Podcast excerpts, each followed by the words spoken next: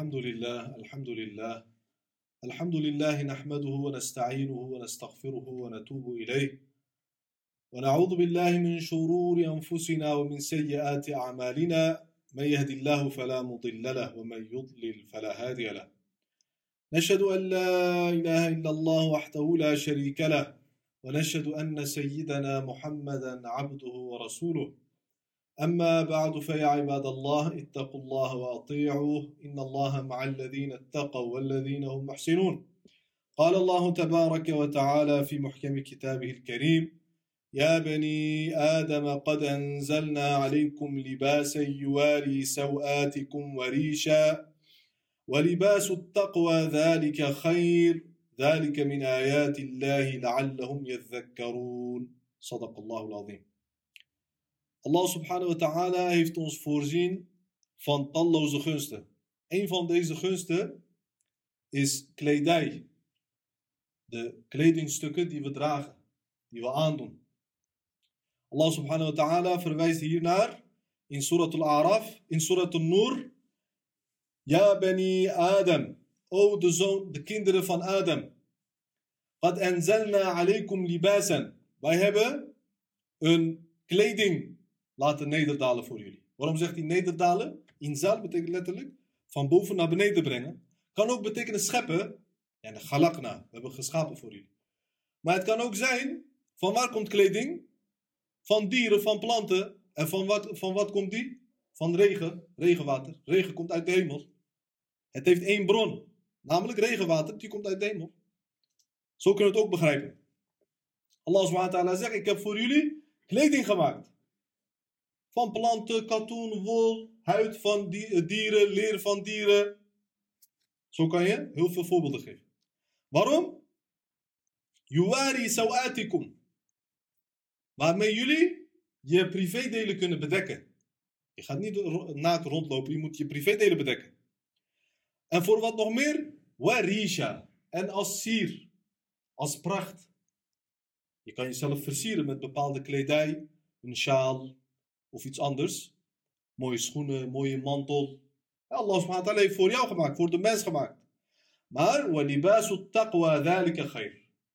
De kleding van taqwa is beter. Als jullie taqwa hebben, dat is belangrijker, zegt Allah wa ta'ala. Dus de innerlijke bedekking is belangrijker dan uiterlijke bedekking. De bedekking, de voeding van de ziel is belangrijker dan de bedekking van het lichaam. Zo zegt Allah subhanahu wa ta'ala. Daar komt het op neer. Dat is beter. من آيات الله Dit zijn allemaal tekenen van Allah subhanahu wa ta'ala. Jullie moeten nadenken. لعلهم يذكرون Opdat mensen hiervan wakker worden. Dat ze nadenken. In andere vers Allah subhanahu wa ta'ala openbaart. قل من حرم زينة الله التي أخرج لعباده. Zeg wie maakt de sieraden die Allah subhanahu wa ta'ala voor de mens heeft gemaakt haram? Wie verklaart dat haram? Waarom is het geopenbaard? Die uh, van Mekka, zij gingen naakt, gingen ze klappend rondjes lopen om de Kaaba.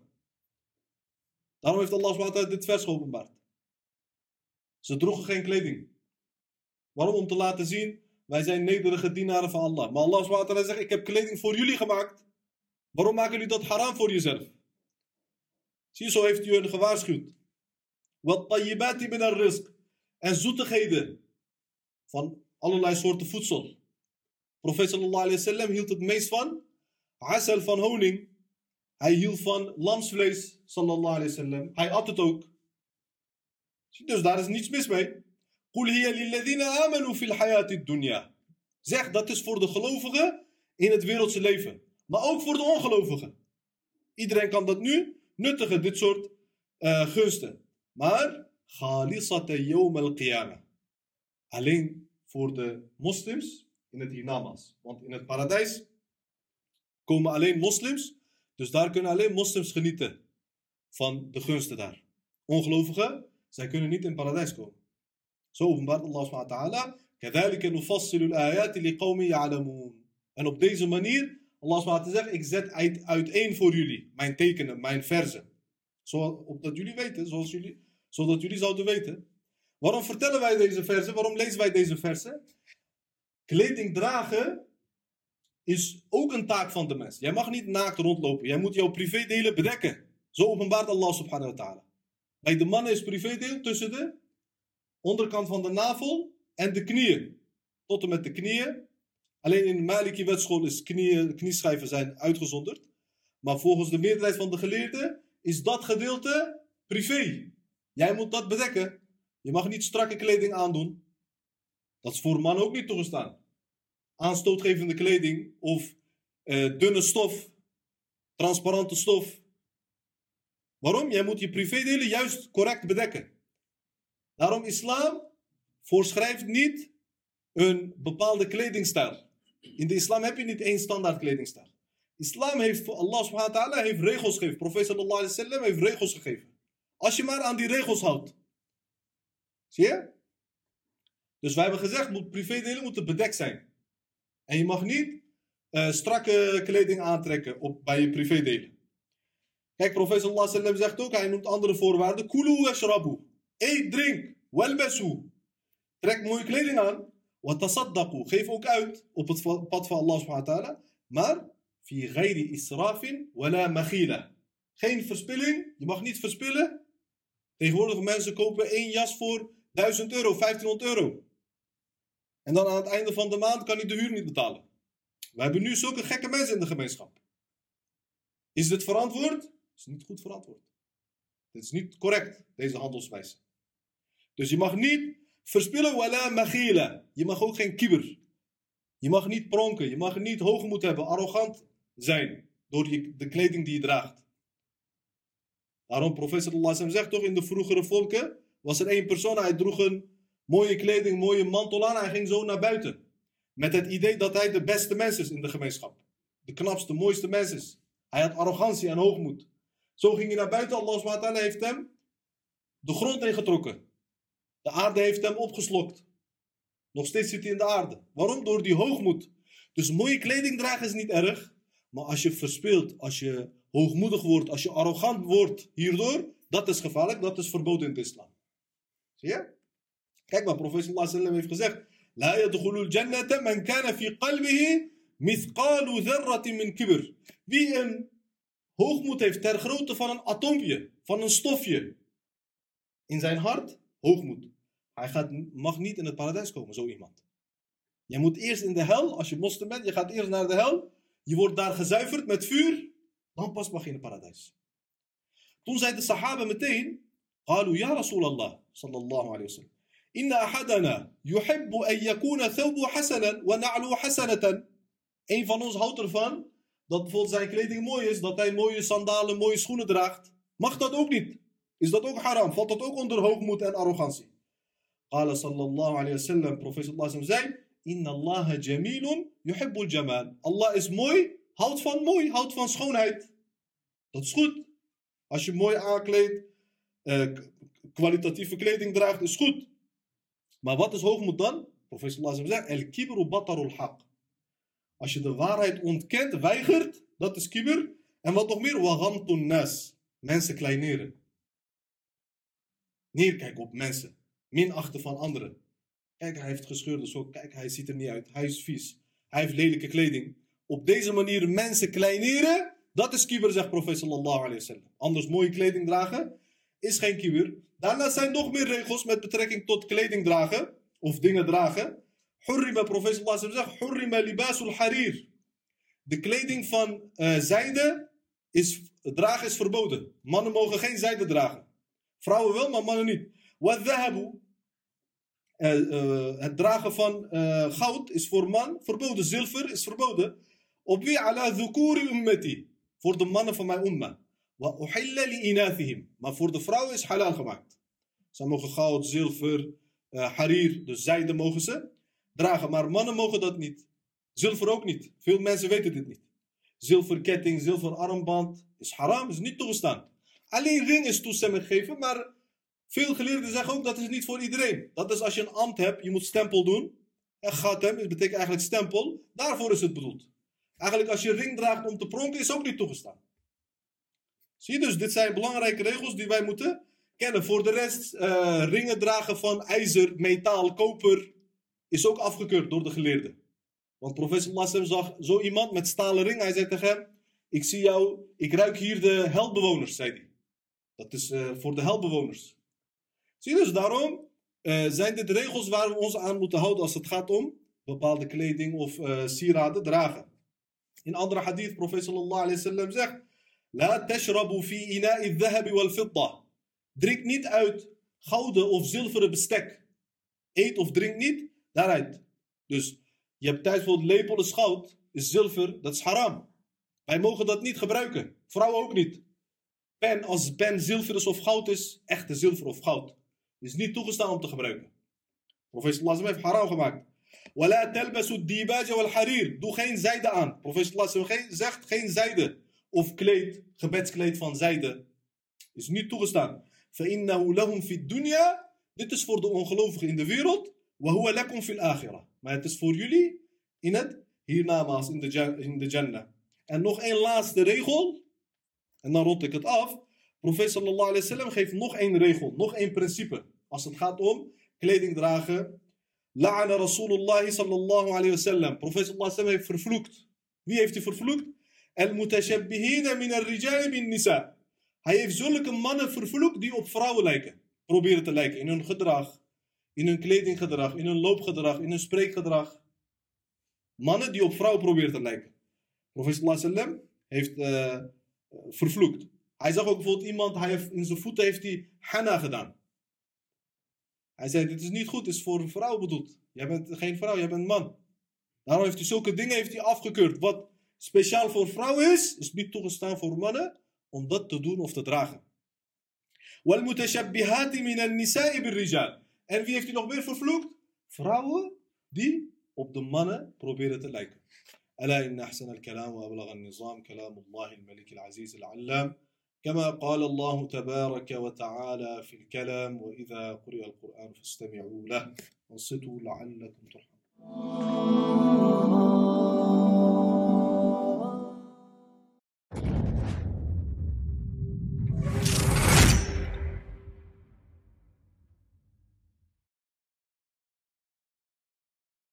الحمد لله الحمد لله الحمد لله نحمده ونستعينه ونستغفره ونتوب إليه.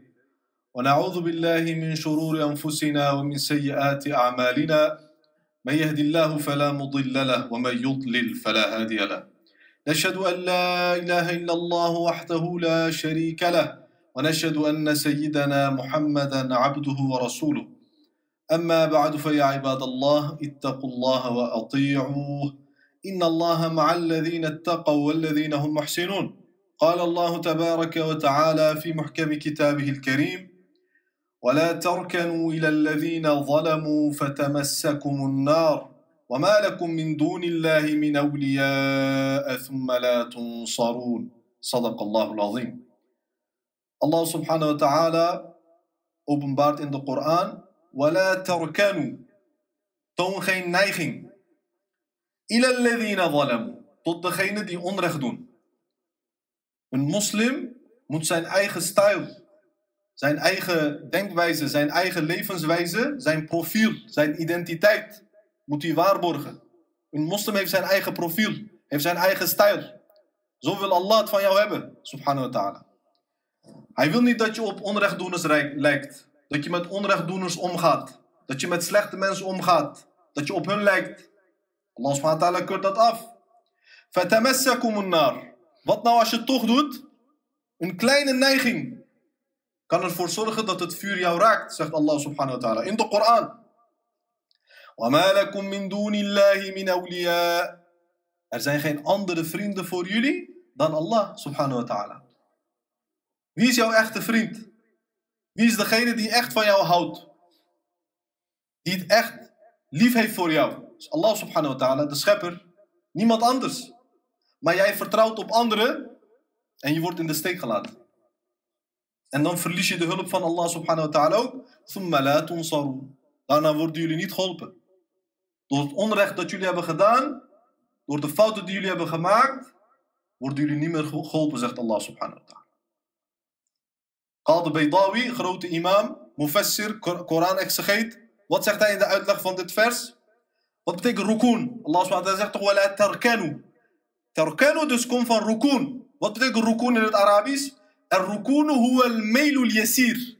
Wat betekent geen neiging tonen aan onrechtdoeners, tot onrechtdoeners? Rukun dus al-mailul yasir. Een kleine tendens. Een kleine hoeveelheid neiging tonen aan onrechtdoeners. Is al genoeg om in aanmerking te komen voor de bestraffing van Allah subhanahu wa ta'ala. Dit is een serieuze zaak. Dit is een serieuze zaak.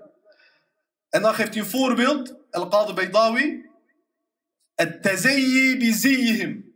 Hij geeft een voorbeeld, hij zegt bijvoorbeeld, sieraad of symbolen van onrechtdoeners dragen. Dus wat dragen zij? Jij draagt dat ook. Onrechtdoeners. Slechte mensen, tirannen, boosdoeners, kwaadaardige mensen. Zij dragen bepaalde dingen, jij draagt dat ook. Allah subhanahu wa ta'ala zegt, nee, ik wil duidelijk onderscheid zien. Tussen mijn goede dienaren en mijn slechte dienaren. Daarom heeft profeet sallallahu alayhi wa sallam gezegd, La ta'akulu. Kijk, als profeet er niet is, sallallahu alayhi als je hem uitschakelt, sallallahu alayhi dan kom je tot grote problemen. Waarom? Je kan de Koran niet meer begrijpen. Wat betekent dit nu? Kijk, profeet sallallahu alayhi hij legt uit wat betekent dit vers. Hij geeft een voorbeeld, sallallahu alayhi wa sallam. Hij zegt, sallallahu alayhi wa sallam, la ta'akulu bishimal. Eet niet met je linkerhand. Eet niet met je linkerhand. Fa'inna. Jullie weten, we leren aan de kinderen ook. Toch? Ouders, vaders, moeders, zij leren altijd op jonge leeftijd aan hun kinderen. Eet met je rechterhand, niet met je linkerhand eten. Maar wat is daar de reden van? Dit is niet cultuur of traditie. Dit is wat profeet sallallahu heeft gezegd. is profetische leer. Is gebaseerd op Koran, op sunnah. Waarom? Hier legt profeet uit, sallallahu alayhi wa sallam. Shaytan, waarlijk de Satan, dus de duivel, de shaytan, Ya'kulu bishimal. Eet met zijn linkerhand. Hieruit begrijp je ook meteen dat de duivels handen hebben, armen hebben. Meerdere zelfs. Zie dus, profeet sallallahu geeft ook hier de illa. Illatul hurma. Waarom is het verboden? Wat is de achterliggende gedachte? Wat is de wijsheid? Dit is de achterliggende gelijk, uh, verklaring. Je moet niet op de duivel lijken. Zie hoe dat is. In ander vers, Allah uh, profeet sallallahu alayhi zegt in andere hadith, Inna al-Yahuda wa nasara. De Joden en christenen, Ahlul Kitab. La yasbighun. Zij verkleuren hun baard, hun haren, verkleuren, ze niet. Met hana of met oranje, met andere dingen. Verkleuren ze niet. Faghalifuhum. Doe het tegenovergestelde. Doen jullie dat wel? Waarom? Om niet op hun te lijken, om onderscheid te maken. Jij bent moslim, jij hebt je eigen stijl, je hebt je eigen profiel. Profeet wil van ons dat wij dat beschermen. Zie je? Uh, alleen zwart verven is niet toegestaan. Er zijn ook mensen die verven zwart. Mannen, hun baard of hun haren. Dat is niet toegestaan. Er is wel ikhtilaf meningsverschil hierover onder de fuqaha. Maar sommige geleerden zeggen is uh, verboden. Andere geleerden zeggen is afgeraden. Zwart verven. Waarom? Er zijn meerdere bewijzen ervoor de vader van Abu Bakr as-Siddiq radiyallahu anhu. Hij werd moslim, was een oude man. Zijn haren waren wit geworden en baard. Dus profeet sallallahu zag hem, hij zei, tegen, hij zei uh, tegen die mensen, verf zijn haren. Wit is, oké, okay, je kan het laten, maar je kan ook verven. Profeet sallallahu heeft gezegd, verf, ghayru hada. Verander dit, maak hem mooier. Hij ziet er niet zo mooi uit. Islam geeft veel waarde aan uitstraling en aan schoonheid, hè. Tuurlijk, Jamal. Je moet mooi, moslim moet netjes, uh, mooi eruit zien, schoon eruit zien, zuiver eruit zien. Profeet sallallahu zegt, Ghayru hada. Verander dit. Beetje netjes maken, mooie kleuren, ja, oranje of uh, andere kleuren. Profeet sallallahu deed zelf ook. Wajitanibu sawad. Maar hij zegt, sallallahu alayhi wasallam, vermijd zwart. Zwarte kleur is daarom niet toegestaan. Er wordt ook gezegd dat Firaun, Farao, de eerste was die zwart heeft geverfd. Waarom? Dat duidt erop dat jij niet uh, oud wil worden. Jij wil niet Allah ontmoeten. Jij wil nog langer leven. Je wil er jong uitzien. Want witte haren die herinneren jou ook natuurlijk aan de dood. Maar uh, zwart verven, dat wordt dus uh, op zijn minst afgeraden in de islamitische wetgeving. ألا إن أحسن الكلام وأبلغ النظام كلام الله الملك العزيز العلام كما قال الله تبارك وتعالى في الكلام وإذا قرئ القرآن فاستمعوا له وانصتوا لعلكم ترحمون.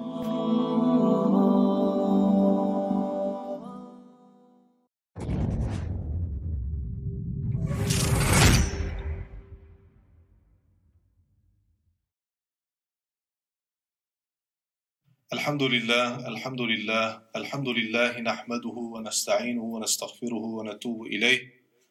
ونعوذ بالله من شرور أنفسنا ومن سيئات أعمالنا. من يهد الله فلا مضل له ومن يضلل فلا هادي له. نشهد أن لا إله إلا الله وحده لا شريك له ونشهد أن سيدنا محمدا عبده ورسوله. أما بعد فيا عباد الله اتقوا الله وأطيعوه إن الله مع الذين اتقوا والذين هم محسنون. قال الله تبارك وتعالى في محكم كتابه الكريم إن يدعون من دونه إلا إناثا وإن يدعون إلا شيطانا مريدا. لعنه الله وقال لأتخذن من عبادك نصيبا مفروضا. ولأضلنهم ولأمنينهم ولآمرنهم فليبتكن آذان الأنعام. ولآمرنهم فليغيرن خلق الله صدق الله العظيم Allah subhanahu wa ta'ala openbaart in Surah Nisa Iyad'una min duni illa inatha. Zij aanbieden alleen levenloze voorwerpen die ze vrouwelijke namen geven, zegt Allah subhanahu wa ta'ala. Inath betekent eigenlijk vrouw, maar kan ook betekenen le levenloos voorwerp. Wat deden de pre-islamische Arabieren, de polytheïsten? Zij maakten standbeelden, het zijn levenloze voorwerpen, maar ze gaven die vrouwelijke namen. Zoals Laat, Uzza, dat soort namen. Maar als je het letterlijk opvat, betekent zij aanbieden vrouwen. Kan je ook zeggen. Die hedonisten van deze tijd, ze, hebben uh, de vrouwen een lustobject gemaakt. Ze hebben dat een afgod gemaakt. Die aanbieden ze. Zie je, Koran is veelzijdig elke eeuw, in elke tijd, kan je nieuwe, bepaalde nieuwe interpretaties, nieuwe betekenissen eruit halen. Dat is wonder. En Allah subhanahu wa ta'ala zegt, eigenlijk aanbieden ze alleen die grensoverschrijdende duivel. Zij aanbieden die eh, duivel, eh, standbeelden eigenlijk niet. Allah subhanahu wa ta'ala zegt, door die standbeelden te aanbieden, aanbieden ze eigenlijk de shaitan, de duivel. Daarom als jij dingen doet wat Allah subhanahu wa ta'ala ontevreden maakt, jij maakt shaitan eigenlijk tevreden. Dat betekent dus dat je shaitan gehoorzaamt. Automatisch. Dat is onlosmakelijk verbonden met elkaar. La'anahullah. Allah heeft shaitan vervloekt. Zo openbaart Allah subhanahu wa ta'ala in de Koran. Daarom geleerden zeggen, Allah subhanahu wa ta'ala heeft jou, Abdurrahman ibn al-Jawzi schrijft het. Hij zegt, Allah subhanahu wa ta'ala heeft jou zoveel waarde gegeven. De mens, hij liet Iblis zesde doen voor jouw voorvader, voor Adam salam. Waarom? Omdat hij jou zoveel waarde heeft gegeven. Plus, omdat hij het niet heeft gedaan, heeft hij hem geschorst. Kijk die waarde die Allah aan de mens heeft. Maar daarna zegt hij, wat heb jij gedaan? Als antwoord hierop, wat heb jij gedaan? Jij hebt samengewerkt met duivel. Allah subhanahu wa ta'ala laat duivel zesde doen voor jou. Hij schorst hem, hij vloekt hem omdat hij niet doet. Die zesde. Wat doe jij daarna? Jij werkt samen Jij sluit bondgenootschap, coalitie met duivel tegen Allah. Subhanallah, wat, wat een ondankbaarheid is het. Maar Allah subhanahu wa ta'ala vertelt hier de plannen van Iblis nu, van de shayatin, van de duivels. Waarom? Om ons te waarschuwen. Waqala, de shaitan heeft gezegd, Iblis zegt, en zijn aanhangers, de shayatin, zijn nageslacht, لَأَتَّخِذَنَّ مِنْ عِبَادِكَ نَصِيبًا مَفْرُوضًا Ik ga zeer zeker al deze werkwoorden hier in deze verse zijn allemaal benadrukt. Met noon mushaddada. En met een laam ta'kid ervoor. Degene die dat weet, weet dat. In Arabische taal is dat een uh, uh, taalgebruik. Daarmee kan je werkwoorden, kan je betekenissen benadrukken. Iblis zegt, zeer zeker ga ik een bepaalde hoeveelheid, bepaalde groepen onder jouw dienaren. Hij zegt tegen Allah, onder jouw dienaren ga ik met mezelf meenemen, zegt hij richting de hel. Ik ga hun meenemen met mezelf. Je gaat het zien. Hij daagt Allah uit. Hij zegt, jij hebt mij geschorst. Jij hebt mij vervloekt omwille van de wens. Ik ga aantonen dat de mensen waardeloos zijn. Zo zegt hij. Iblis heeft oorlog uitgeroepen tegen Allah. Maar nu zijn tientallen, honderden mensen, duizenden mensen die gaan achter hem aan. Onder de moslims. Ongelovigen begrijp je nog wel. Maar moslims gaan achter, achter hem aan. Jij denkt natuurlijk, ik ga niet achter shaitan. We gaan zo zien. We gaan zo zien, dan ga je jezelf toetsen. Daaraan. Ik ga hun zeer zeker laten dwalen, zegt shaitan. Ik ga hun naar dalalat, naar eh, dwaling brengen-. Ik ga hun hoop geven. Ik ga hun hoop geven, gaan ze veel temenni doen. Dus dan gaan ze berouw gaan ze uitstellen, gebeden gaan ze uitstellen. Kom wel, ik ga wel naar Hajj volgend jaar, volgende week. Als ik ben getrouwd, als ik studie heb afgerond. Continu uitstellen, uitstellen. Kijk, dit is het plan van shaitan. Iblis heeft tegen Allah gezegd. Allah subhanahu wa ta'ala vertelt dit in de Koran voor jou. Hij zegt, kijk uit. Laat jezelf niet bedriegen. Het is plan van shaitan, het is tactiek van shaitan. Continu uitstellen. Doe Toba gelijk? Nee, hij moet per se uitstellen. Waarom? Hij trapt erin. Ik ga hun zeer zeker dingen opdragen. Slechte dingen opdragen. Zij gaan bijvoorbeeld gaatjes maken in de oren van dieren. Eh, Taghirul fitra wordt dit genoemd. Dus gaan de natuurlijke dingen gaan ze veranderen. Er zijn nu talloze voorbeelden hiervan, nu, in deze tijd. Dat de natuurlijkheid, de nature, de geaardheid van de mens, van de natuur, van de dieren, wordt veranderd. Subhanallah. Mannen die in vrouwen veranderen, vrouwen die in mannen veranderen. Mannen die zich gedragen zoals vrouwen. Na'udhu billah. Talloze voorbeelden. Mannen die hun baard wegscheren, is geaardheid van man, is fitra. Zo heeft alle profeten al de baard. Waarom Allah subhanahu wa ta'ala heeft dat zo meegegeven aan de mensheid. Vrouwen hebben lange haar, maar haren weghalen is niet gepast bij vrouwen. Enzovoort. Je kan talloze voorbeelden hiervan geven, gaan we zo ook zien. Ik ga hun opdragen, bevelen. Wat gaan ze doen? Ze gaan de schepping van Allah subhanahu wa ta'ala gaan ze veranderen. Ze gaan met genen spelen, met DNA spelen. Heel, dit kunnen we heel urenlang kunnen we hierover praten. Maar tijd is niet genoeg. Daarom ze gaan met de schepping van Allah subhanahu wa ta'ala gaan ze spelen.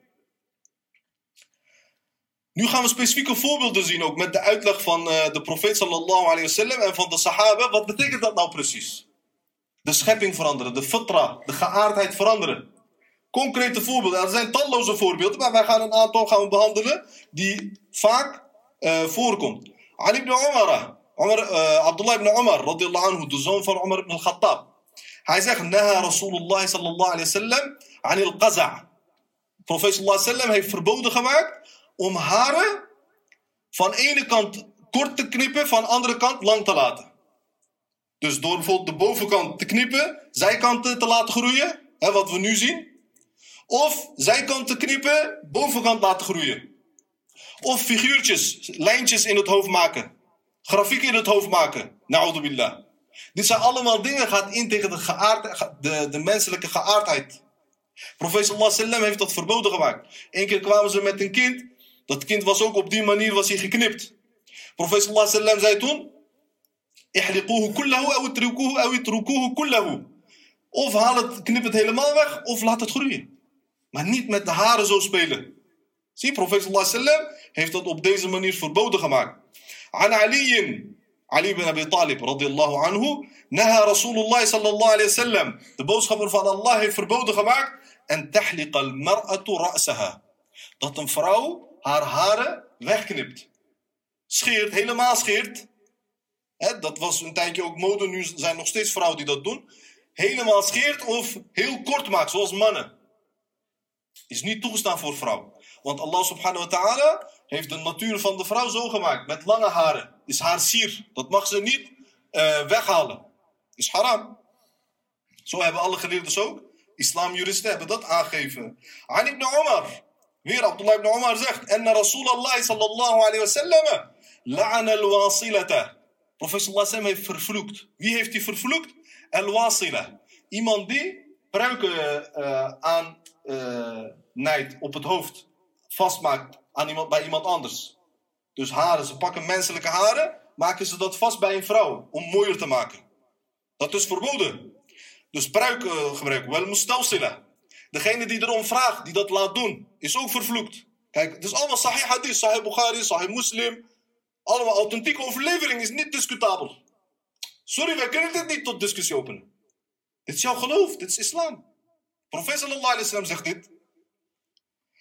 Wie nog meer? Wal Degene die tatoeëert. Hij doet bij iemand anders tatoeage. Vervloekt. Profeet wasallam is vervloekt.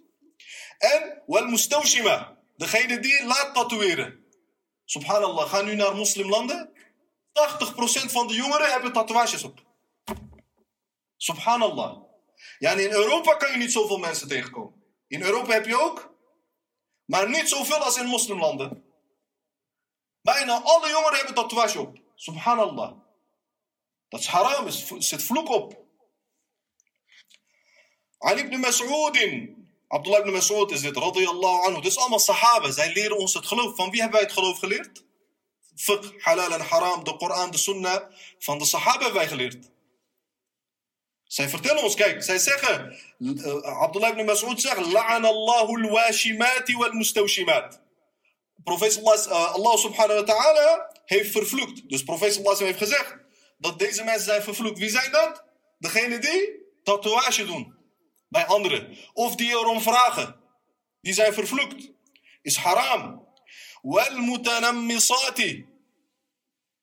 Uh, degene die hun wenkbrauwen epileren. Tanammus, je wenkbrauwen verdunnen. Vooral vrouwen doen dat. Zelfs mannen doen het tegenwoordig. Is haram, is niet toegestaan. Je mag wel die uitstekende haren mag je kort knippen. Verkorten, dat mag wel. Als de haren uitsteken, als het lang is, die wenkbrauwen. Mag je wel verkorten. Maar je mag niet op deze manier verticaal, mag je hem niet verkorten, inkorten. Van deze kant weghalen. Of verdunnen.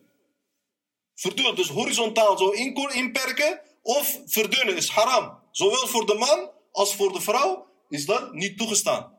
Er zit vloek op. We hebben het niet over makrohat, hier. We hebben het niet over ongewenstheid. Als je het niet doet, is beter. Beter doe je het niet. We hebben het niet daarover. We hebben het over haram en halal. Dit is haram. Dat is regel van de islam. En mensen die hun, voornamelijk vrouwen, die hun tanden verscherpen. Hun tanden laten veilen. Om mooie tanden te krijgen, om mooie gebit te krijgen. Is ook verboden, zit ook vloek op. Al-mughayyirati khalq Allah. En degene die uh, de schepping van Allah subhanahu wa ta'ala veranderen. Profeet sallallahu heeft al deze soorten mensen heeft hij ver, vervloekt. Het is een duivels plan. Iblis zit hierachter. Ook dat hele LGBT-goedoe. Ook uh, homoseksualiteit. Uh, vrouwen die op mannen proberen te lijken. Mannen die op vrouwen proberen te lijken. Met kledinggedrag. Kijk maar in de uitleg van deze vers. Ik zeg het niet. Kijk maar in de uitleg. Dit is jouw dien. Is jouw geloof. Dit is geen grap. Dit is geen spel. Het nieuwe nageslacht, nieuwe generatie is in gevaar. Is in groot gevaar. Jij hebt het niet door. Jouw kinderen gaan naar school. Zij leren dat daar. Zij leren dat daar. In de uitleg van deze versen van Surah Nisa vanaf 117. Vers 117. Alle geleerden zeggen je, kijk maar in Ibn Kathir, in uh, tafsir van uh, Imam al-Qurtubi, van uh, Alusi, van Fakhruddin al-Razi. Kijk naar al deze imams. Wat zeggen ze in tafsir? Wat zeggen ze in tafsirboek? Wat betekent dat? Het veranderen, taghyiru khalqillah. Het veranderen van de fitra, van de geaardheid, van de schepping. Wat is dat? Dat mannen zoals vrouwen beginnen te lopen. Dat vrouwen op mannen proberen te lijken. Met hun kledingstijl, met hun spreekgedrag. Mannen die make-up opdoen, nagellak opdoen. Al deze dingen, ook met kledinggedrag. Alles valt hieronder, zeggen ulama. De geleerden zeggen dit. Daarom, het is een groot gevaar ik zie het als een groot gevaar voor de nieuwe generatie. Wij moeten elkaar waarschuwen, wij moeten elkaar dit geloof doorgeven. Het is een verantwoordelijkheid op jouw nek. Niet alleen NS moet uh, zichzelf naar voren gooien, hij wordt slachtoffer. Jij moet ook zeggen, het is toch jouw geloof? Islam is toch niet aan mij gekomen alleen? Subhanallah, deze mentaliteit van moslims. Ik word daar bijna gek van. Alsof de islam alleen voor bepaalde mensen is gekomen. Broeder, dit is jouw geloof, dit is islam. Jij bent ook verantwoordelijk. Jij moet dit leren aan je broertje, zusje, kinderen, familieleden, buren, als ze moslim zijn. Want dit, heeft, dit is alleen bindend voor moslims. Wij hebben niet over niet-moslims. Iedereen mag doen wat hij wil. Maar jij moet, het geloof moet jij doorleren. ألا إن أحسن الكلام وأبلغ النظام كلام الله الملك العزيز العلام كما قال الله تبارك وتعالى في الكلام. وإذا قرئ القرآن فاستمعوا له وأنصتوا لعلكم ترحمون.